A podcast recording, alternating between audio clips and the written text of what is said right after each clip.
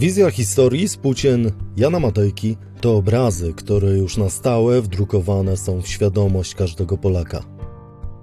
Myślimy o naszej przeszłości Matejką, widzimy twarze władców, innych wielkich Polaków, ale także i tych zapisanych w historii niechlubnie.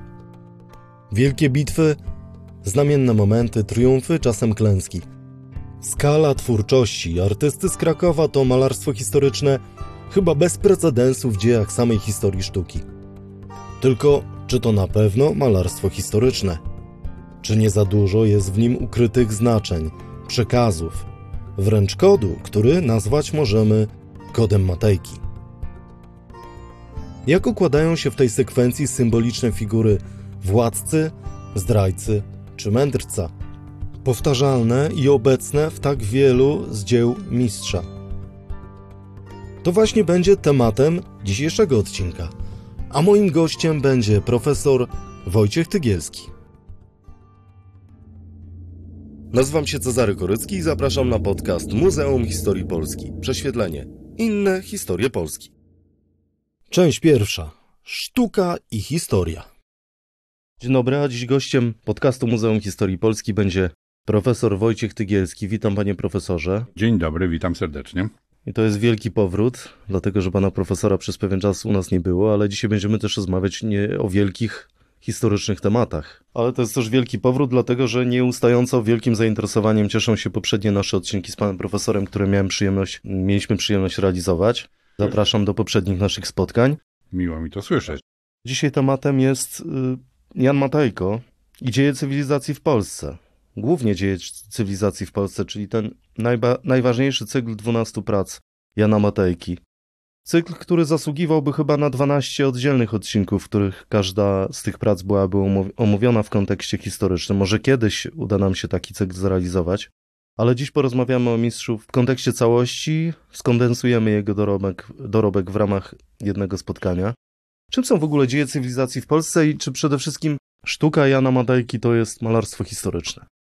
Zastanawiałem się właśnie, jak można rozmawiać e, jednak w formie radiowej na tematy e, artystyczne, czy też na temat obrazów. Jest to na pewno możliwe, ale wymaga specjalnego kunsztu. Ja jako historyk interesuję się Matejką przede wszystkim z punktu widzenia tego, co on namalował, a nie jak to zrobił. I dzieje cywilizacji w Polsce, mnie się wydaje, że to nie jest może najważniejsze dzieło Matejki, bo przecież te wielkoformatowe, historyczne obrazy jednak swoim znaczeniem e, przeważają, ale ja widzę w tym jakieś takie, taką tajemnicę. Mianowicie, co on nam chciał naprawdę powiedzieć, malując 12 obrazów, które zatytułował właśnie tak. E, bo wziąłem sobie ściągawkę, żeby nie pomylić tytułów i kolejności, ale to jest tak, że pewne elementy tego cyklu są oczywiste. Pierwszy to jest zaprowadzenie chrześcijaństwa. To nie wymaga e, specjalnego komentarza. E, e, drugi to koronacja Bolesława Chrobrego. No to też jesteśmy przyzwyczajeni do tej fundamentalnego wydarzenia, jakim była koronacja i wszystko, co było z tym związane. Ale potem są takie tematy, które wymagają, wydaje mi się, odrobiny namysłu. Punkt trzeci, przyjęcie Żydów, czyli zaleta migracji i zaleta otwartości na pewne e, zjawiska migracyjne, bo to jest e, na pewno namalowane w ciepłym stosunku do, do, do tego zjawiska, a jednocześnie e, mamy kilka jakby punktów dalej, powtórne zajęcie Rusi, bogactwo i oświata, czyli znowu ekspansja. Powtórne, no bo chrobry, a to się odnosi do Kazimierza Wielkiego i do naszego wtedy ekspansji na wschód jakby takie podkreślenie, że w obie strony dwa wektory, kunam i ekspansywne, pochwalane tutaj zdecydowanie, to są elementy, które umacniają państwo. Ale po drodze są dwa punkty, które mnie zawsze niepokoją. W Łęczycy pierwszy Sejm, spisanie praw, ukrócenie rozbojów. Chodzi o e, synod łęczycki 1180, ale to nie jest nieważne. Ważne jest to, że nagle on odnosi się do pewnego wydarzenia, które nie mieści się w naszym kanonie podstawowych faktów historycznych. I coś nam przez to chce e, powiedzieć, a drugi to jest klęska legnicka, odrodzenie. Cytuję specjalnie te tytuły, bo Matejko jest, czy był człowiekiem, który nam wszystko tłumaczył. To jest jego cecha absolutnie fundamentalna na tle, wydaje mi się, całego e, malarstwa historycznego i malarstwa w ogóle. Od niego dowiadujemy się, co autor chciał nam powiedzieć. Czyli nie to jest ważne przy interpretacji, żeby dociec, że to jest ten biskup albo ten wojewoda, bo to nam Matejko mówi. Tu stoi nuncjusz papieski, dlatego że on się przygląda wydarzeniom z roku. Czyli nie mamy tej tajemnicy, jeśli chodzi o intencję i o treść bezpośrednią, ale mamy tajemnicę, jeśli chodzi o tę treść głębszą. Więc proszę zobaczyć, e, Łęczyca i ta klęska legnicka są dwoma z dwunastu ważnymi elementami tego cyklu. E, dojadę do końca, jeśli pan pozwoli, bo ta całość wydaje mi się ma znaczenie. E, punktem ósmym jest chrzest Litwy. No to zrozumiałe, prawda? Ochrzciliśmy Polskę, ochrzciliśmy Litwę. Ale potem są co najmniej trzy punkty, które są związane z pośrednio Uniwersytetem, Akademią Krakowską, e, czy z edukacją. Bo jest obraz zatytułowany znowu, proszę zwrócić uwagę na ten opisowy tytuł. Założenie szkoły głównej przeniesieniem do Krakowa ugruntowane. Nie wnikajmy, dlaczego przeniesieniem. Wiadomo, że Kraków był od początku miejscem tej uczelni, ale założenie szkoły głównej, a te kolejne będą miały tytuły. Wpływ uniwersytetu na kraj w wieku XV, nowe prądy, husytyzm i humanizm. No wszystko jak, jak spis treści w podręczniku. I wreszcie złoty wiek literatury w XVI wieku, reformacja, przewaga katolicyzmu.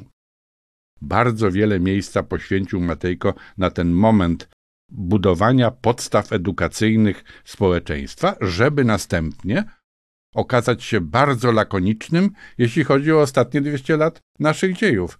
Bo ten jedenasty już, przedostatni obraz cyklu jest zatytułowany Potęga Rzeczypospolitej u zenitu, złota wolność elekcja, ale chodzi o konkretną elekcję 1573, o Chowalezego.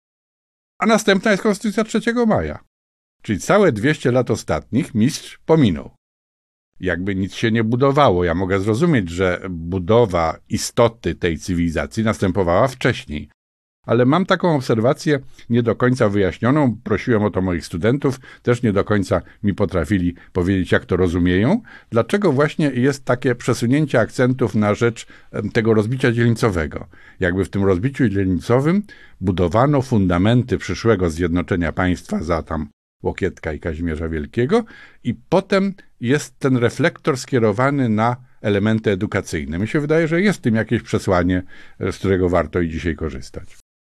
Jednak twórczość Jana Matejki jest ciekawa dla znawców historii, dla historyków, dla pasjonatów historii, ale mam wrażenie, że ciekawa jest w kontekście tego, jak lubimy wytykać pewnego rodzaju może nie błędy, tylko swobodne podejście do faktów, do postaci, które czasami pojawiają się, pojawiają się na jakimś płótnie, a już na przykład od kilku lat taka postać nie żyła, albo była gdzie indziej, albo była w innym wieku. Ale nie o to chodzi przecież. Myślę, że zupełnie nie o to chodzi. Znaczy, analitycy, czyli osoby analizujące twórczość Matejki uwielbiają ustalenie właśnie tych niekonsekwencji, z których mistrz sobie przecież zdawał sprawę i nie łapiemy go tu na żadnych, e, na żadnych y, błędach e, rzeczowych. Drugim wątkiem jest to ustalenie, kto był e, pierwowzorem postaci, ale o tym zdaje się jeszcze będziemy rozmawiać. Otóż to jest moim zdaniem połączone z tym dydaktyzmem, który ja widzę u Matejki, że on potrzebuje poszczególnych elementów, więc umieszcza je w jednym wspólnym jakimś kontekście, bo jest mu właśnie potrzebny choćby nieżyjący senator w danym momencie do pokazania całości, całości obrazu. Mnie się wydaje, że warto na tę twórczość Matejki też patrzeć z punktu widzenia chronologii powstawania obrazów, dlatego że tak jak sobie kiedyś zestawiałem te daty powstania, bo tak to mamy pewną mieszankę, prawda? Znamy konkretne tytuły, a to jakiś Stańczyk, a to Unia Lubelska, a to Grunwald. Natomiast jak to się układa w cykl chronologiczny, to widzimy, że na początku są takie bardziej, wydaje się, moralizatorskie e, wątki. Jest Stańczyk z 1862 roku, czyli mamy tę scenę balu E, beztroski, a Stańczyk się martwi co będzie z Rzeczą Pospolitą. Jest kazanie skargi potem, czyli znowu samotny skarga, nie do końca przemawiający do, do słuchaczy, którzy zajmują się trochę czym innym. I jest Rejtan, no, najbardziej chyba taki spektakularny obraz upadku, upadku Polski, samotności tego człowieka, który próbuje się e, przeciwstawić. I to jest początek, to jest wczesna twórczość, ta wielkoformatowa, relatywnie wczesna. Natomiast potem mamy taki cykl Unia Lubelska, Batory pod Pskowem, Bitwa pod Grunwaldem właśnie, gdzie są elementy ku pokrzepieniu serc, oczywiście, ale są też y, elementy, krytycy dopatrują się elementów krytycyzmu, że jakieś elementy słabości widać już w tych poszczególnych poszczególnych scenach, może z wyjątkiem zawieszenia dzwonu Zygmunta, który jest w pełni taki optymistyczny, potęga jagiellońska, wspaniały dzwon, wspaniałe postacie, które przy nim pracują i nadzieja, że ten dzwon będzie miał okazję dzwonić wielokrotnie teraz, jak odzyskamy, odzyskamy niepodległość. I jest wreszcie, wydaje mi się, taka grupa w, wśród tych obrazów takiego zadumania, Y, nad konsekwencjami, czy nad oczywistością pozytywnych konsekwencji. Taki jest hołd pruski. Hołd pruski ma w sobie coś takiego, że to jest tryumf pozorny, że już Matejko i my wszyscy dobrze wiemy, że te Prusy, czy też ten Hohenzollern, który hołduje yy, królowi yy, Zygmuntowi, to jest zalążek państwa pruskiego i zalążek przyszłego zaborcy i że to Lenno przestanie istnieć w połowie XVII wieku, a i konstytucja 3 maja, choć jest oczywistym pozytywem, prawda, jest takim dowodem na przełamanie niemocy, na nadzieję na odrodzenie i społeczne, i, i narodowe, i państwowe, no ale jednak na, tych, na tym obrazie nie wszyscy jakby mm, są pochłonięci tym wątkiem, jakby roztargnieni trochę, trochę nieobecni, trochę niezainteresowani. Także wydaje mi się, że patrząc na tę chronologię, widać jak Matejko dojrzewa, jak myśli o pewnych rzeczach i wydaje mi się, że też y, to jest efekt kolejnych lektur, bo jeśli mogę jeszcze to zdanie e, dodać, y, cechą Matejki jest znakomita znajomość historii i środowiska historyków. Przypomnę, że że mamy wtedy do czynienia e, z tak zwaną szkołą krakowską e, historiografii, to znaczy ludźmi bardzo wybitnymi, takimi jak Walerian Kalinka, Józef Szujski, z którego wykładów Matejko słuchał e, wielokrotnie, Stanisław Smolka czy Michał Bobrzyński, ludzi, którzy no, uważają, iż ten nasz upadek jest wynikiem słabości wewnętrznej, anarchii, prywaty, to co mniej więcej się mieści w naszym kanonie edukacyjnym e, i którzy spierają się tutaj z troszeczkę na wyrost nazywaną moim zdaniem szkołą warszawską, która jest taką opozycją wobec e, wobec tej krakowskiej, która była jednolita i jednak jakieś poglądy jakiegoś środowiska pada pojęcie Stańczyków oczywiście e, wyrażała, no a ci warszawscy byli bardziej tacy rozproszeni, mniej jednolici, Adolf Pawiński, Tadeusz Korzon e, czy Władysław Smoleński, no którzy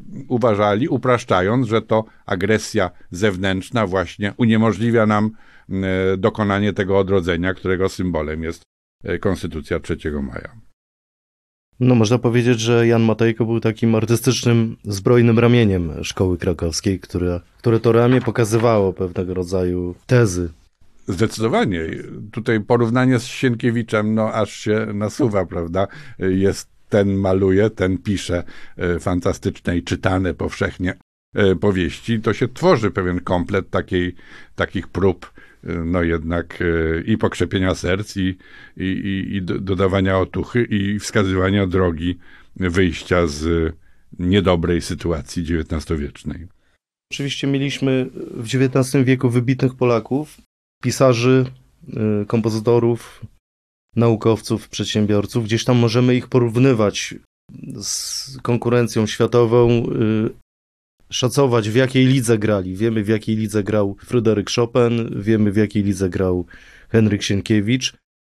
A w jakiej lidze malarstwa historycznego grał Jan Matejko, jeśli chodzi o, o świat? Wydaje mi się, że Nie było chyba takiego malarza, który z takim rozmachem ilustrowałby historię, a może się mylę. Tutaj nie aspiruję do bycia w pełni kompetentnym, więc wypowiadam się jako trochę amator, ale ja mam wrażenie, że że nie, że to jest unikalna zupełnie postać i unikalny warsztat i unikalne przesłanie i unikalna intensywność tego przesłania, taka skoncentrowana na pewnych konkretnych wodkach. No, co my mamy w klasycyzmie? No we Francji mamy e, e, Dawida, prawda? Dawida z jego śmiercią Sokratesa, czy z przysięgą Horacjuszy. No i mamy oczywiście sławnego Delacroix, z tą wolnością idącą na, na barykady, czyli rewolucja lipcowa 1830 roku. Malarstwa historycznego jest bardzo dużo generalnie i przecież Matejko nie jest pierwszym i nie jest jedynym w XIX wieku. Tak się zastanawiałem nad, nad poprzednikami, ale też zwracam uwagę, naszymi krajowymi, ale zwracam uwagę, że mm, jest taki obraz sławny Bitwa pod Orszą prawda, odnoszący się do bitwy 1514 roku, symboliczny początek zmagań e, litewsko wtedy raczej e, moskiewskich, ale generalnie no, tych naszych kłopotów na granicy e, wschodniej. I jest ten obraz, który jest anonimowego autora.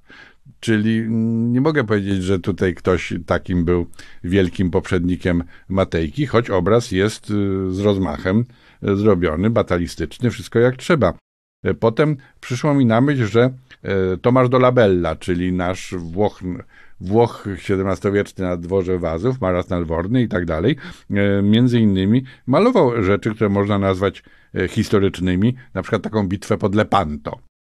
Ale to jest problem dla mnie definicji, bo trochę pan o to pytał, malarstwa historycznego. Dla mnie to są takie obrazy, które wykorzystują wątki historyczne w jakimś konkretnym celu. To znaczy, jest jakieś przesłanie, że jakoś powody użycia wątku historycznego się tłumaczą i jakieś intencje, e, wydaje mi się, stoją za malarzem. Więc e, myślę, że akurat bitwa pod Lepanto, poza tym, że uruchamiała e, wyobraźnię Europejczyków i to morska bitwa, Turcy, zagrożenie, to były no, jakieś takie hity E, epoki, no to nie była jakoś taka ważna dla, dla naszego polskiego, polskiej świadomości. Ale e, dochodząc do, do, no jest oczywiście Bacciarelli i tak dalej, no jest, jest Canaletto, jest mnóstwo malarzy, ale tej klasy, jeśli dojdziemy do XIX wieku i wydaje się, że tak samo jak Sienkiewicz sięga do, do przeszłości, w której szuka pociechy i takich dowodów na prosperity, jeśli to była Prosperity, e, no to Matejko robi, robi podobnie i ci malarze XIX-wieczni e, w związku z sytuacją XIX-wieczną, zaborczą i tak dalej, szukają też takich wątków, więc wydaje mi się, że malarstwa historycznego znacznie przybywa. Mamy Artura Grodgera, który jednak e, te całe cykle powstańcze, Polonie i tak dalej, jemu, jemu zawdzięczamy. Mamy Józefa Branta, którego ja bardzo lubię, zarówno ze względu na te kozackie XVII-wieczne e, wątki, jak też zwracam uwagę, to jest autor bitwy pod Chocimiem kolejnej, więc e, tych wcześniej Norblin.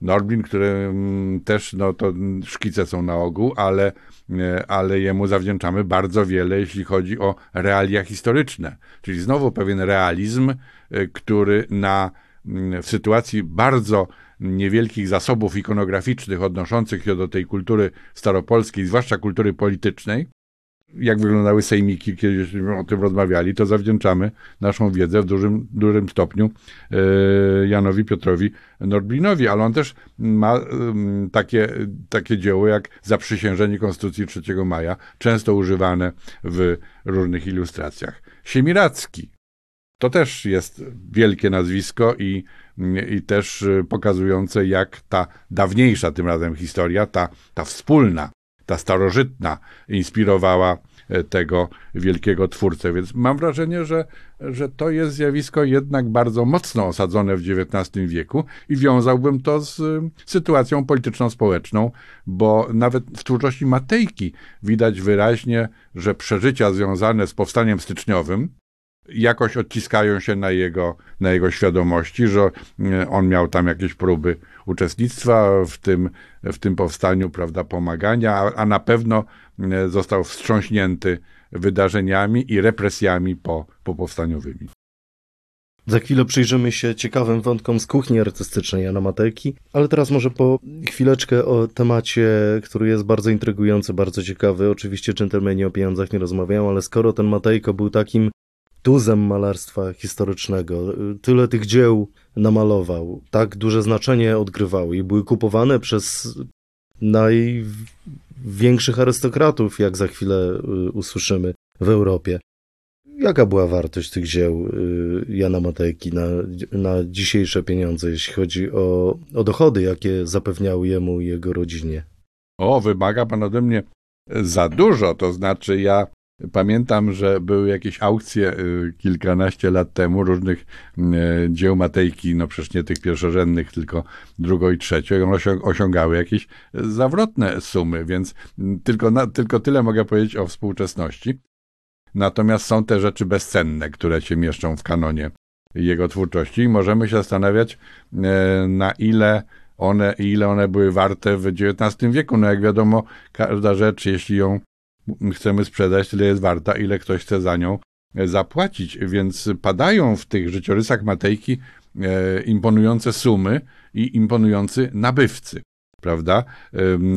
Wiadomo, że bitwę pod Grunwaldem kupił finansista warszawski, który nazywał się, jak się nazywał? Dawid Rosenblum, za 45 tysięcy, no właśnie, złotych, prawda? Florenów. E, tutaj ta e, nomenklatura e, zawsze sprawia nam pewien kłopot. To na pewno było mnóstwo pieniędzy i trudno to jednoznacznie przeliczać na płace, koszty utrzymania i tak dalej. No ale to była suma pozwalająca, wydaje mi się, utrzymać rodzinę przez kilka lat. Każdy artysta malarz, jeśli się utrzymuje i to z powodzeniem z twórczości artystycznej, no to jest sukces. E, jak wiemy, zwłaszcza dzisiaj, to nie każdemu się udaje. Więc Matejko z całą pewnością mógł spokojnie żyć z malarstwa. E, wiadomo, że kazanie skargi e, zostało sprzedane za 10 tysięcy złotych, to też te sumy rosną e, razem z upływem czasu, no bo Matejko robi się coraz sławniejszy. Ale zwracam uwagę może nie tyle na te sumy, bo jeszcze parę można by wymieniać. Chyba Batorego pod Pskowem kupił hrabia Tyszkiewicz, Benedykt Tyszkiewicz za z kolei 60 tysięcy E, złotych. No, sumy ogromne, ale zwracam uwagę, że Matejko nie tylko sprzedawał, prawda, że tam jest ten rodzaj patriotyzmu mistrza, który po pierwsze uruchamia zbiorową wyobraźnię, że na te obrazy Matejki się czeka, że o ich powstawaniu się informuje. To jest ciekawe, że to się czyta w prasie, że mistrz właśnie pracuje nad tym i nad tym. Mistrz kończy niż skończył. Wystawił w jakimś towarzystwie tam przyjaciół sztuk pięknych czy gdzieś tam i na przykład następują zbiórki społeczne, żeby to od niego kupić.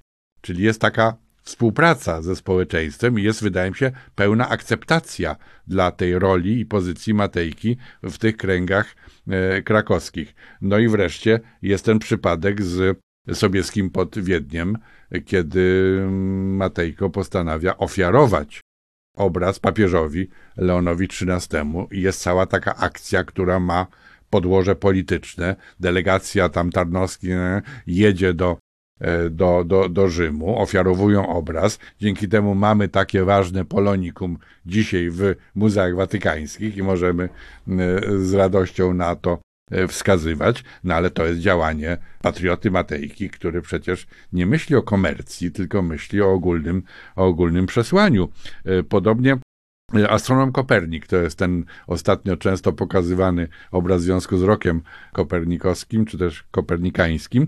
Znowu astronom Kopernik, czyli rozmowa z Bogiem. Ten bardzo ciekawy i piękny obraz został zakupiony znowu ze składek społecznych, żeby podarować uniwersytetowi. Czyli jest to jakaś wspólnota e, ludzi, którzy starają się e, to nasze patrimonio storico, że, e, że użyję tego określenia włoskiego, wzbogacać i Matejko jest tu bardzo ważnym elementem. Cesarz chyba kupił, nie pamiętam, Rejtana. Tak. Pamięta pan? Rejta. Rejtana chyba. Franciszek Józef. Franciszek Józef kupił. No więc znowu mamy tę Galicję. Mamy, musimy pamiętać o, o tej scenerii, w której je, są Austro-Węgry, jest dobry cesarz Franciszek i jest Kraków, e, nie tak daleki od Wiednia. Część druga. Władca. Z hotelu poszedłem prosto do mariackiego kościoła na nabożeństwo. Po mszy zaś świętej idę do Rejmana w sukiennicach na kawę. Już w bramie kościoła dostrzegłem, że mi się jakiś sucher lawy przypatruje. Macałem się po piersiach, torba z pieniędzmi jest. Patrzę, sucher lawy za mną. Czego ty, człowiecze, chcesz ode mnie? Czego za mną łazisz? A on mi na to nic nie odpowiada, tylko szepce sam do siebie. Co za głowa, co za wyraz, jakie zęby, istny jedyny Stefan. Wariat jakiś, pomyślałem i powiadam mu na to, ja nie Stefan, ja Teodor. A on sobie dalej, Stefan, Stefan, Stefan.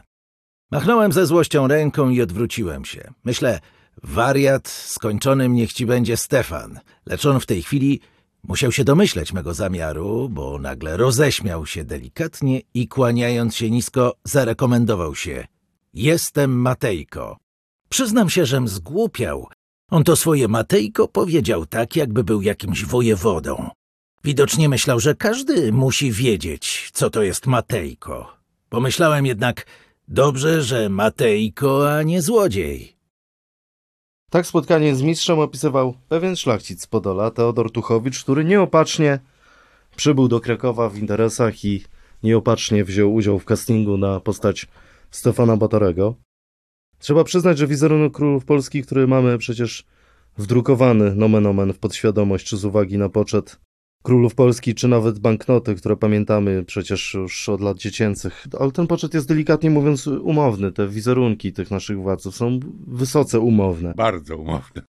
Matejko podobnież korzystał z rodziny i znajomych i takich właśnie dziwnych ludzi spotkanych na ulicy. Podobno nawet królowa Bona to jest wizerunek jego małżonki czytaliśmy te same opracowania, widzę, no bo też cała moja wiedza na ten temat jest z dość licznych opracowań e, na temat Matejki i z tych wspomnień Mariana Gorzkowskiego. To może warto to nazwisko tu przytoczyć. Przyjaciel, współpracownik Matejki, któremu też zawdzięczamy szalenie wiele e, faktów i informacji na temat e, kuchni artystycznej mistrza. E, natomiast y, wracając do tych postaci mm, władców, tak się zastanawiam, bo na pewno pamiętam, że Zygmunt August, e, jak jest scena Unii Lubelskiej. Na obrazie Unia Lubelska Zygmunt August jest taki brodaty, z takim nieprzeniknionym spojrzeniem, jakby był nieobecny. Wydaje mi się, że to też warto się nad tym zastanowić, czy, czy to wydarzenie historyczne i czy to jest jakiś komentarz E, jakieś zdystansowanie się w stosunku do, do tego faktu historycznego, który ja zawsze uważałem za super, super pozytywny jednoznacznie, dopóki nie zacząłem spotykać e, historyków litewskich, e, którzy mi mówili, że to ta Unia Lubelska cała to jest przejaw ekspansji polskiej i w ogóle byliśmy bardzo, bardzo wtedy mocarstwowi w tym rozumieniu tego połączenia E, polsko-litewskiego czy polsko-litewsko-ruskiego. Mam też takie, pamiętam e, w, na obrazie Rejtan e, jest portret carycy Katarzyny, który wisi na ścianie.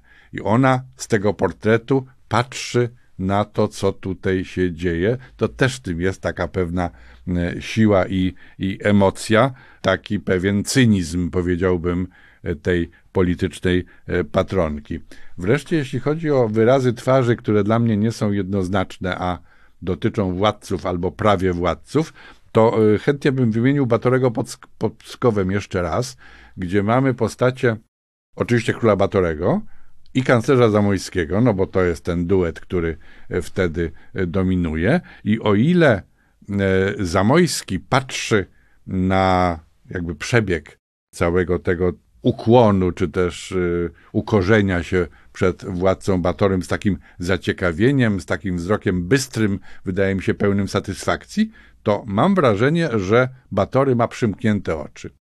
I znowu ja się pytam, czy ci nasi królowie u Matejki są troszeczkę zdystansowani od tego, co się dzieje, od tych wielkich wydarzeń, czy może y, uświadamiają sobie nietrwałość e, tych e, wątków, których są uczestnikami i autorami.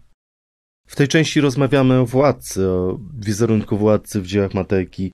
A które z tych przedstawień może być uznane za takie najbardziej kontrowersyjne? Chyba nie wskażę. Znaczy kontrowersyjne w sensie, ma pan na myśli konsekwencje historyczne tego, co jest przedstawione, czy kontrowersyjność samego przedstawienia? Mam na myśli pomysł y, Jana Matejki, który został wykreowany po to, żeby może jakiś element czarnego wizerunku przedstawić, albo kogoś wybielić niesłusznie zupełnie. No, oczywiście mamy te postaci takie niedobre, y, mamy pewne symbole, prawda? Mm, pojawiają się zarzuty wobec postaw niektórych ludzi. No, znowu w, obrazie Rejtan, prawda, mamy tych wielkich, którzy przyczyniają się do upadku Rzeczypospolitej. Adam Poniński, Stanisław Szczęsny-Potocki czy Franciszek Ksawery Branicki to są osoby obecne na tym obrazie i które się nie przejmują Rejtanem, nie przejmują się tym dramatem. One jakby e, w tym uczestniczą, a co najmniej na taki bieg wypadków przyzwalają. E, natomiast takich niedobrych postaci e, wiele bym nie znalazł na obrazach Matei, bo to jest to pewna zbiorowość ważna. Tak jest w bitwie pod Grunwaldem, e, tak jest w Kościuszko pod Racławicami, gdzie mamy wielość osób, typów, które składają się na pewne, na pewne wydarzenie. I znawcy, chyba czytałem kiedyś u profesor Poprzęckiej, taką uwagę, że tam jest taka wielość fizjonomii e, na obrazie Bitwa pod Grunwaldem, że to nie jest tłum jednolity, tylko że przypatrując się możemy znaleźć bardzo różne, różne postaci, że to coś znaczy, że dopiero złożenie w jedną całość tych różnych postaci tworzy obraz, o który Matejce chodziło. Jest też taki obraz a propos niedobrych ludzi, otrucie królowej Bony. E, otrucie królowej Bony, które w tytule jest przypisane lekarzowi Antonio z Maceraty. E, ja cały czas się uczyłem i profesor Cynarski, krakowski historyk, który to przed laty próbował badać, no że odpowiedzialnym za otrucie Bony, jeśli do niego doszło, był niejaki Papakoda. Ale czy to był Antonio z Maceraty, czy Papakoda, wszystko jedno, mamy scenę, w której ktoś naszej królowej podaje truciznę. No, trudno o bardziej brzydkie intencje niż w wykonaniu tej osoby. I ona rzeczywiście ma taką chytrą twarz, bo Matejko, co by nie powiedzieć, potrafił zilustrować to, co miał do powiedzenia w sposób absolutnie perfekcyjny. Część trzecia. Zdrajca. Anna Walewska, córka generała Karwickiego, a przez matkę wnuczka Jacka Małachowskiego, bardzo już wiekowa i bardzo poważna, ze łzami skarżyła się przed Matejką samym za swego dziada. Dowodziła, że w roku 1773 on był bez winy. Miała rację, ale Matejko odpowiadał, że nie był bez winy w roku 1792. Matejko sądził, że spełnił obowiązek, misję, ale niemniej, gdyby był widział taką starość sędziwą, czcigodną, jak drżąc na całym ciele, z łkaniem w głosie, na krótko jeszcze przed śmiercią wspominała, że ją zranił w najdotkliwsze, najboleśniejsze miejsce serca, byłby doznał on znowu bardzo bolesnego uczucia. Teraz porozmawiamy o innym motywie z dzieł Jana Matejki. Tym motywem jest zdrajca, poprzedniej części pytałem pana profesora o kontrowersyjnego władcę, a tutaj już będzie w tej części bardzo kontrowersyjnie. Kontrowersje Matejko wzbudzał za życia. Przed chwilą wysłuchaliśmy historii związanej z Rejtanem. To dzieło budziło w Krakowie ogromne emocje. To jest bardzo ciekawe, że wnuki i prawnuki tych osób na tym dziele zilustrowanych planowały nawet odkupienie Rejtana, schowanie, a nawet zniszczenie, bo było im zupełnie niezręcznie, że ich przodkowie są przedstawiani w takiej, a nie innej roli. Ostatecznie Rejtana zakupił, tak jak mówiliśmy wcześniej, cesarz Franciszek Józef i chyba dzięki temu miłościwie panującemu cesarzowi tego Rejtana możemy dzisiaj podziwiać. Jak z tą recepcją? No, ale to troszkę już o tym rozmawialiśmy. Wydaje mi się, że to jest właśnie ta kwestia e, skierowania Jupiterów światła na mistrza i jego działania e, i pewna aktualizacja jego poczynań i społeczne zainteresowanie tym, co tam się dzieje. To wydaje mi się zupełnie unikalne. To znaczy, to pokazuje, my dzisiaj do tego, trudno sobie wyobrazić, że pan czy ja się dzisiaj zastanawiamy, co akurat jakiś malarz współczesny ma na warsztacie. Jak namaluje, pokaże i będzie nas starał się przekonać, że to jest e, coś bardzo wartościowego.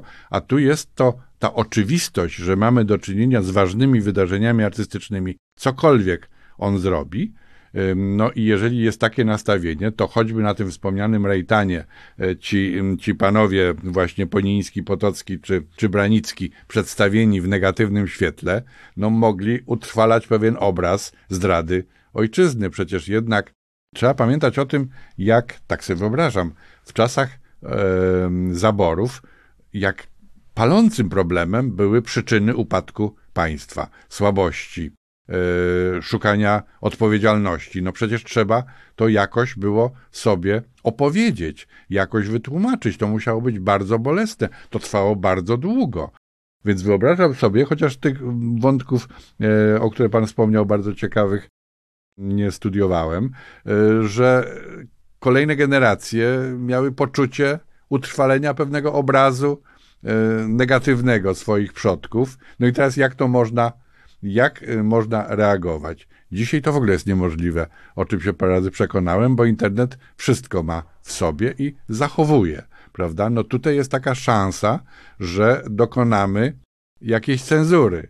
Wykupimy nakład, kupimy obraz, który źle o nas świadczy. To też pokazuje, jak to jest ograniczone w skali, prawda? Dzisiaj, no jeszcze nakład to ja pamiętam czasy, kiedy kiedy autor e, czegoś, czego się wstydził, e, nerwowo próbował e, wykupić nakład, nawet w świecie naukowym.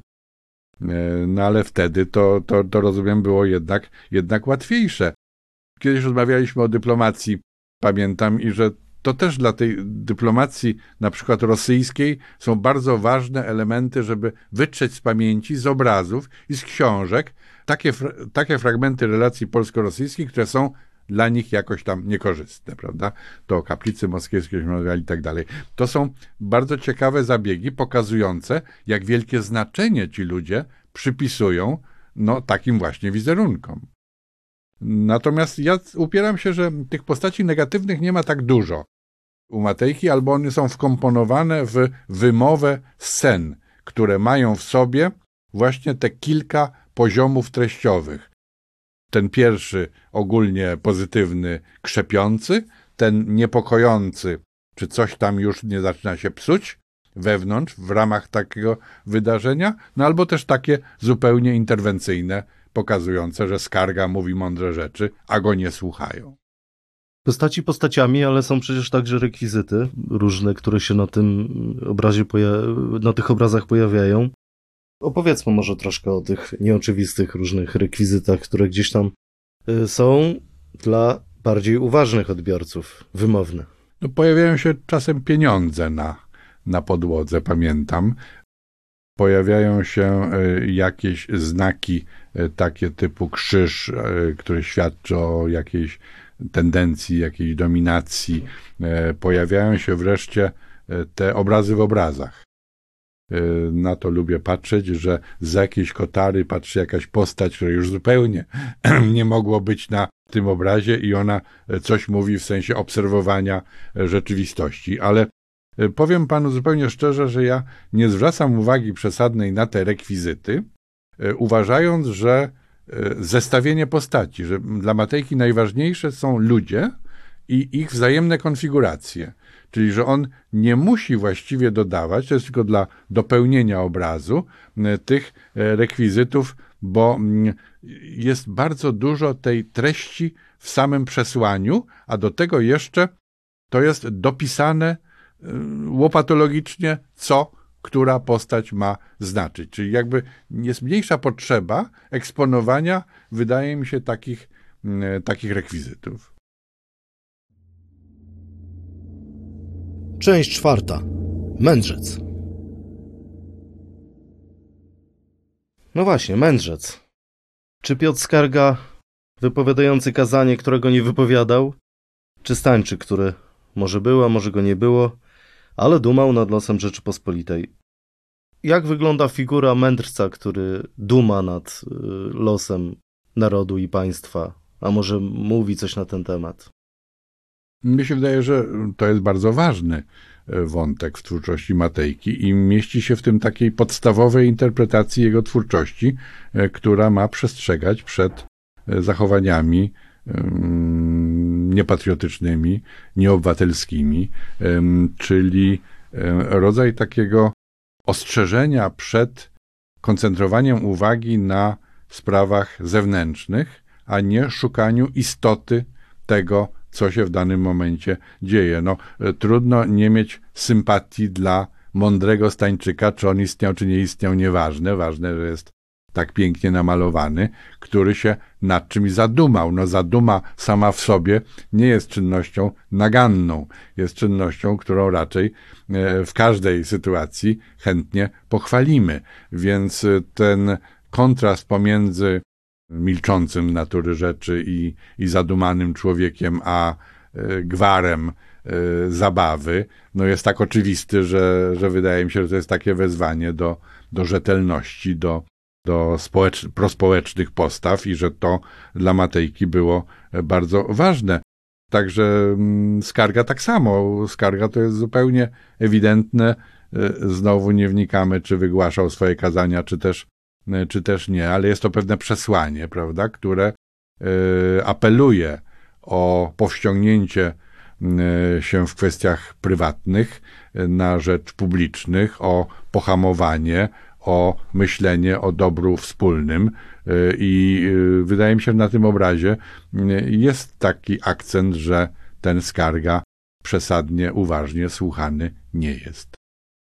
Proszę powiedzieć, czy jednak nie powinniśmy, czy ja może pozwolę sobie wrzucić kamyczka do ogródka twórczości Jana Matejki, czy nie, nie był to w wielu przypadkach taki troszkę wyidealizowany wizerunek y, przeszłości y, i troszkę może też y, będące taką delikatną manipulacją historyczną. Na przykład, podam na przykład dwa takie dzieła, które mi przychodzą do głowy. Po pierwsze to jest hołd pruski, a po drugie to jest kolokwialnie nazywany ostatnio, ale bardzo popularny w dzisiejszych czasach i powielany częstokroć w internecie, tak zwany hołd ruski, czyli carowie szujscy przed Zygmuntem III. Pierwsza z tych dzieł idealizuje niewątpliwie błąd polityczny, który miał opłakane konsekwencje dla naszego narodu. A drugie stało się taką propagandą, która dzisiaj jest tak bezrefleksyjnie powielana. Ostatnio rozmawiałem w jednym z poprzednich odcinków z profesorem Hieronimem Gralą, wybitnym specjalistą od Rusi. On strasznie się oburzał, że co to, co to w ogóle za, za hołd i, i jacy to carowie ci szujscy. To nawet w tytule jest y, manipulacja i błąd. To jest e, zabawne, dlatego że szykując się już do odpowiedzi, słuchając pana pytania, e, pomyślałem o Hieronimie Grali e, jako o znawcy tematu i pamiętam z nim rozmowę, której właśnie mnie także przekonywał, iż właściwą określeniem dla tytułem tego obrazu powinien być pokłon szujskich, a nie żaden hołd i nie żaden ruski. I ja się z nim się rzeczy zgadzam, bo jego autorytet tutaj szanuję. E, natomiast co do samego kontekstu, to zwracam też uwagę, że Matejko malował no, pokłon szujskich, bądźmy już w tym dwa razy. Jako bardzo młody człowiek i pod koniec życia. To mnie ciekawiło, dlaczego dwa razy wraca do tego samego e, wątku, ale po kolei. No, hołd pruski, troszkę już o tym żeśmy rozmawiali, nie można jednoznacznie powiedzieć błąd polityczny, tak bym nie powiedział, ale powiedziałbym e, sytuacja, która potem była powodem kolejnych błędów historycznych. Mianowicie były kolejne hołdy, hołdy pruskie, e, których nie wykorzystywano politycznie albo niekonsekwentnie wymuszano e, kolejne hołdy, jakby tolerując sytuację coraz większego separatyzmu pruskiego w stosunku do Rzeczypospolitej, tak najogólniej mówiąc, ale więc sam moment mm, jeszcze od biedy, ale potem było znacznie gorzej, dlatego że zdarzały się sytuacje, w której za E, za pieniądze po prostu wypłacone Rzeczypospolitej, która ich bardzo potrzebowała na wojsko w konkretnym momencie, e, łagodzono tę relację lenną wobec Prus książęcych. No a, a carowie, że nazwę teraz ich z kolei po, po Matejkowsku, no to rzeczywiście to jest trochę taki przejaw ta popularność współczesna e, no, może być związana z jakimiś kompleksami, czy z naszą niechęcią do dzisiejszej Rosji i tego, co, e, co wyprawia, e, no bo te momenty rzadkie naszego triumfu, eksploatowane i eksponowane w taki sposób, że Żółkiewski bierze do niewoli szujskich byłych już carów i że oni na Zamku Warszawskim wobec Zygmunta III i małego królewicza Władysława ten pokłon składają, no to jest takie pocieszanie się, że byliśmy wielcy, równorzędni e, ówczesnej Moskwie e, i, i że mieliśmy momenty takiego triumfu, no to tak jak myślimy o okresie smuty, prawda, obecności Polaków na Kremlu e, i tak dalej, i tak dalej, to z grubsza jest ten sam, ten sam czas, ale epizod. Powiedzmy sobie szczerze, to dlaczego Matejko wraca ponownie zupełnie innym obrazie, w sensie formalnym, do tego wątku. To nie jest dla mnie oczywiste, ale to bodaj jedyny przykład w jego twórczości, kiedy e, ten sam, tak samo zatytułowany obraz e, powstaje, tak powiem, po raz, po raz drugi. Czy Matejko chce nam coś przez to powiedzieć innego niż właśnie popatrzcie, jacy byliśmy potężni? Nie jestem pewien.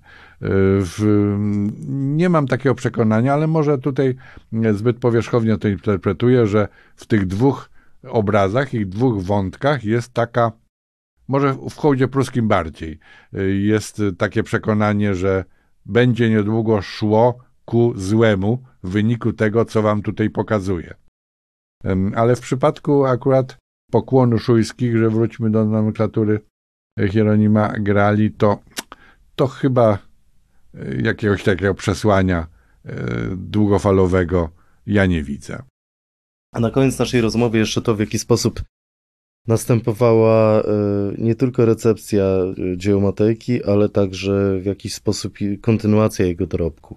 No, mieliśmy takie przykłady twórców, którzy z podobnym rozmachem chcieli przedstawić polską historię. Tu jest ciekawy wątek sekwencji dzieł, które całkiem niedawno wróciły po długiej nieobecności do Polski. A myśli pan o Łukaszowcach oczywiście. Tak jest. No tak. To dla Muzeum Historii Polski będzie na pewno bardzo ważny, ważny eksponat i bardzo się cieszę, że te obrazy e, wróciły. No, ponieważ one było o nich głośno ostatnio, więc e, może nie warto tak szczegółowo o tym opowiadać, ale to, co wydaje mi się ważne, to to, że na tę wystawę światową w Nowym Jorku 1939 roku, 1939 roku otworzoną, e, no przygotowywano polską ekspozycję. No i jest pytanie, co my mamy do pokazania? To jest stałe pytanie, które sobie stawiamy w różnych epokach, w jaki sposób się najlepiej zaprezentować. I pomijam inne elementy pawilonu polskiego, swoją drogą bardzo interesujące, ale postanowiono, że na, ten, na tę okazję władze zamówią u grupy określanej mianem Łukaszowcy, czyli grona artystów malarzy skupionych wokół Tadeusza Pruszkowskiego, bardzo ważnej postaci y, przedwojennego Przedwojennej Akademii Sztuk Pięknych, że zostaną zamówione konkretnie historyczne obrazy. To po pierwsze, bardzo mi z tego powodu miło. Po drugie, że tematykę tych obrazów określi kompetentne gremium, na czele którego postawiono profesora Oskara Haleckiego. To ważna postać e, ówczesnej naszej historiografii, powojenny emigracyjny historyk, no ale bardzo zasłużony i bardzo wybitny. Czyli bardzo poważnie podchodzono do samej tematyki. I w efekcie tego powstało siedem obrazów. Jak zawsze je sobie porównuję z tymi dziejami cywilizacji Matejki, o, o których żeśmy rozmawiali, ale to jest na pewno nawiązanie do wielkoformatowych e, płócien Matejki. One powstawały w willi Pruszkowskiego w e, Kazimierzu e, nad Wisłą i były malowane, co bardzo ciekawe, zbiorowo. Znaczy, tak rozumiem, terminy piliły, że poszczególni malarze w tym gronie, a było ich chyba nastu, 10-11, wykonywali fragmenty obrazów, czyli to naprawdę praca zbiorowa, jeden lepiej głowy, drugi lepiej to malował i to jakoś bardzo sprawnie poszło. Ale ta tematyka dla mnie historyka jest oczywiście najważniejsza. Wybrano chyba takie wątki, które no, świadczyły o pewnej międzynarodowej roli E, roli Polski, no bo na tym Nowym Jorku trzeba było jakoś to zaznaczyć, ale pewne rzeczy się w oczywisty sposób powtarzają w stosunku do Matejki. Punkt pierwszy, spotkanie Bolesława Chrobrego z Ottonem III, czyli jesteśmy u grobu świętego Wojciecha, rok tysięczny, mamy ten kanoniczny punkt. Przyjęcie chrześcijaństwa przez Litwę 1386. Znowu mamy chrześcijaństwo. Unia Lubelska znowu się powtarza. Odsiecz Wiednia w stosunku do Matejki twórczości znowu mam. Czyli mamy te takie elementy, kiedy a to bronimy Europy, a to rozszerzamy chrześcijaństwo, a to tworzymy twór polityczny w postaci Rzeczypospolitej. I takie są trzy pozostałe, które e, mają w sobie wątki demokracji, e, myślę takiego jakiegoś ustrojowe, które też mogły świadczyć dobrze, e, dobrze o nas. E, jeden z przywilejów, jedleńsko-krakowski, tam jest nadanie tego przywileju 1430 roku, czy jakby jednego z kanonów e, założycielskich kamieni tej naszej demokracji szlacheckiej. Uchwalenie Konfederacji Warszawskiej 1573, czyli mamy tolerancję religijną jako symbol naszej unikalności, którą się zawsze chętnie szczyciliśmy, czy ona była prawdziwa, czy nie, to jest zupełnie inny temat, ale to należy do kanonu e, tego, czym się chwalimy. I wreszcie Konstytucja 3 maja, e, znowu nikt jej nie opuszcza, bo to jest klamra i bo to jest pewna nadzieja na nowe, nowe otwarcie. Czyli bardzo, ponieważ jest mniej tych obrazów, to wydaje mi się, że bardziej spójny program i spójne przesłanie, jakiego dokonali uczeni na czele z Oskarem Haleckim i wykonawcy na czele z Tadeuszem Pruszkowskim. Także ja bardzo lubię ten cykl i uważam, że to jest e, bardzo dobra kontynuacja Matejki. No to na koniec, panie profesorze, chciałem zaskoczyć pana pytaniem, e, gdyby Jan Matejko pojawił się tu nagle za dotknięciem magicznej różdżki w roku 2024, to to jakie dzieło z tej historii pomiędzy jego śmiercią a naszymi współczesnymi czasami mógłby namalować z naszej historii? Z naszej historii? No, myślę teraz, bo jestem całkowicie zaskoczony, ale Piłsudski z więzienia niemieckiego zwolnionym i mamy, zajeżdża tutaj nam gdzieś na ten, na ten dworzec, prawda? Albo Demokracja w kryzysie, żeby zostać przy międzywojniu i coś na moście Poniatowskiego, 26 rok i następuje to bolesne bardzo e, starcie z jednej strony racji politycznych, z drugiej strony racji też politycznych i demokratycznych, czyli taki smutny moment. No, wątków II wojny, czy, czy wszystkich tych okropieństw to przecież by, by nie zabrakło, ale ale ja wiem, gdyby Matejko miał dalej malować, to jakiś piec martenowski też by y, pewnie mógł y, namalować, czy nową hutę z jakimś birkutem. Y, wie pan, tak sobie zacząłem wyobrażać, podaj cegłę, ale w wykonaniu Matejki to mogły być przepiękne rzeczy. No i dalej już się boję, boję ciągnąć dalej, prawda? Zgoda przy okrągłym stole osiągniona. Proszę sobie wyobrazić taki, taki obraz z Wałęsą i Kiszczakiem, Geremkiem, Mazowieckim i tak dalej, i tak dalej. No ale to mnie pan wciąga w bardzo niebezpieczną i chyba dłuższą rozmowę, a domyślam się, że nasz czas dobiega końca, przynajmniej dziś. Nie no, dziś to oczywiście może budzić wiele komentarzy, ale przypomnę, że Konstytucja 3 maja także budziła w swoim czasie też swoje kontrowersje. No oczywiście, oczywiście. Znaczy ja tutaj mm, zatrzymałem się przy tym okrągłym stole, ale oczywiście mogę sobie wyobrazić spokojnie różne, e, różne wątki tej Polski już niepodległej po 1989 roku, ale chyba jednak musiałbym się nad tymi dłużej zastanowić, a zaskoczenie było pełne. Cieszę się, że mi się udało i dziękuję za y, kolejną ciekawą rozmowę. Bardzo dziękuję. Do zobaczenia. Dziękuję bardzo za wysłuchanie odcinka i zapraszam do subskrypcji kanału Muzeum Historii Polski, bo dzięki temu nie przegapicie Państwo kolejnych naszych materiałów. Zapraszam także na cykl Rzecz Historyczna, w którym niezwykle ciekawie o dwudziestowiecznej historii Polski opowiada dr Michał Przeperski.